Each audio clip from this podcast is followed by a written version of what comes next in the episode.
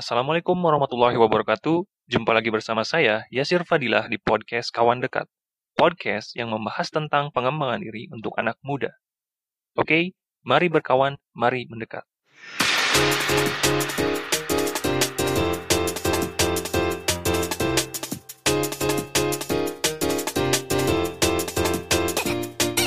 Nah, ngomong-ngomong, sekarang masih kondisi pandemi. Nah, semoga kawan-kawan selalu dalam keadaan sehat walafiat ya. ya. Meskipun sekarang masih pandemi, tapi bukan berarti kita berhenti belajar, kita berhenti berlatih. Nah, saya mau nanya nih. Kamu pernah nggak ngerasa kesulitan saat menguasai skill? Ya, skill apa pun. Nah, kadang kita kesulitan saat menguasai skill. Padahal kita udah e, berkali-kali nyoba atau berkali-kali berlatih, praktek, tapi kenapa hasilnya masih segitu-segitu? Kenapa hasilnya belum maksimal? Nah, saya sendiri pernah mengalami ini. Dulu, eh, ceritanya saya sempat belajar public speaking. Karena saya penasaran pengen belajar public speaking. Bagi sebagian orang, mungkin public speaking ini mudah dipelajari. Tapi bagi saya, ternyata lumayan susah sih uh, public speaking itu ternyata bukan cuma sekedar ngomong doang, tapi ada aspek lain yang harus kita pelajari juga. Saya malah sempat nggak yakin uh, bisa menguasai public speaking. Nah, selang beberapa waktu, saya jadi sadar, ternyata public speaking itu penting dan bakal dibutuhkan terus sampai kita dewasa, sampai kapan pun, selagi kita uh, ketemu sama orang, selagi kita bicara sama orang, public speaking itu akan terus kepake.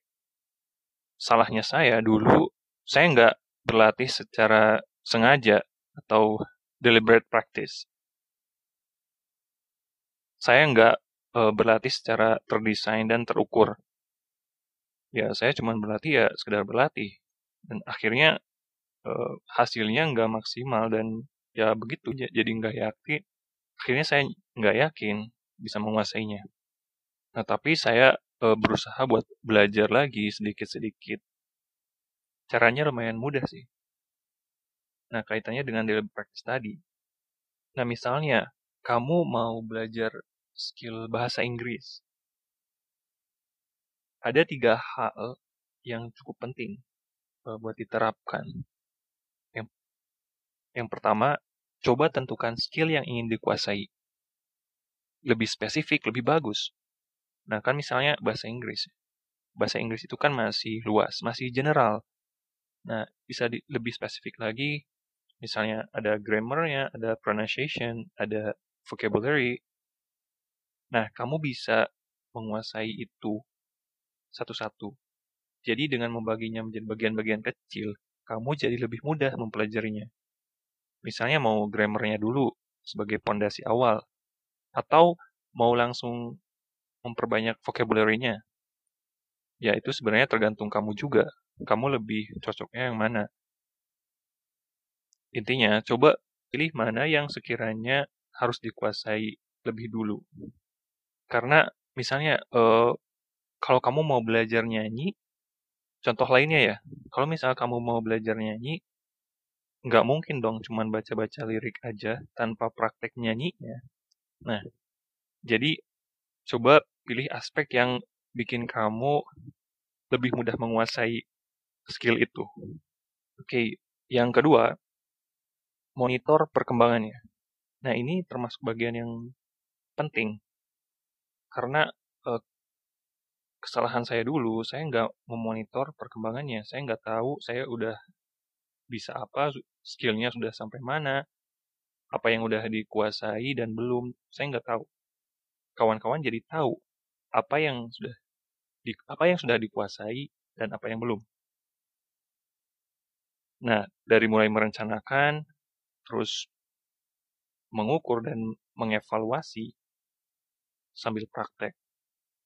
Nah, kalau bisa eh, minimalisir distraksi ya uh, minimalisir hal-hal yang sekiranya mengganggu saat kawan-kawan berlatih. Mengganggu fokus saat berlatih. Karena fokus saat berlatih itu penting banget untuk mempermudah eh, kawan-kawan dalam menguasai skill tersebut. Nah, kawan-kawan juga bisa minta bantuan orang yang udah lebih paham atau minta bantuan ke pelatih mungkin bahkan dan bisa ngasih feedback. Terus yang ketiga, coba tentukan jadwal khusus berlatihnya. Coba tentukan jadwal berlatih. Misalnya kawan-kawan mau berlatih 30 menit di pagi hari dan 30 menit sebelum tidur. Nah sebenarnya ini nggak harus terlalu kaku juga. Coba sesuaikan aja sama jadwal kawan-kawan juga yang lainnya. Ya intinya eh, kawan-kawan ada waktu khusus buat berlatih. Jadi bisa melatih disiplin dan konsistensi juga. Nah dengan kan tiga hal ini, insya Allah deh kawan-kawan bisa menguasai skill dengan lebih mudah dan bahkan lebih cepat. Nah, untuk menjadi seorang ahli, kita membutuhkan waktu kurang lebih 10.000 jam latihan terdesain atau deliberate practice.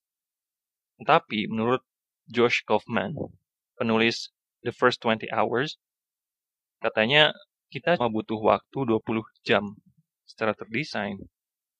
Ya kalau kawan-kawan ingin uh, menguasai skill atau sebagian skillnya, ya kawan-kawan 20 jam dulu. Ya, baru setelah eh, 20 jam itu kawan-kawan mulai bisa dan dari situ kawan-kawan jadi mulai konsisten dan terus bertumbuh, terus bertumbuh. Menjadi lebih baik lagi. Dan setelah melewati 10.000 jam latihan, kawan-kawan bisa menjadi ahli di bidang tersebut atau di skill tersebut.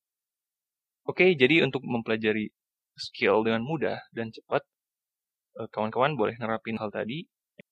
Nah, kira-kira apa skill yang ingin kamu pelajari yang akan berdampak ke karir kamu ke depannya. Oke, tetap semangat ya. Semoga bermanfaat. Keep going, keep growing.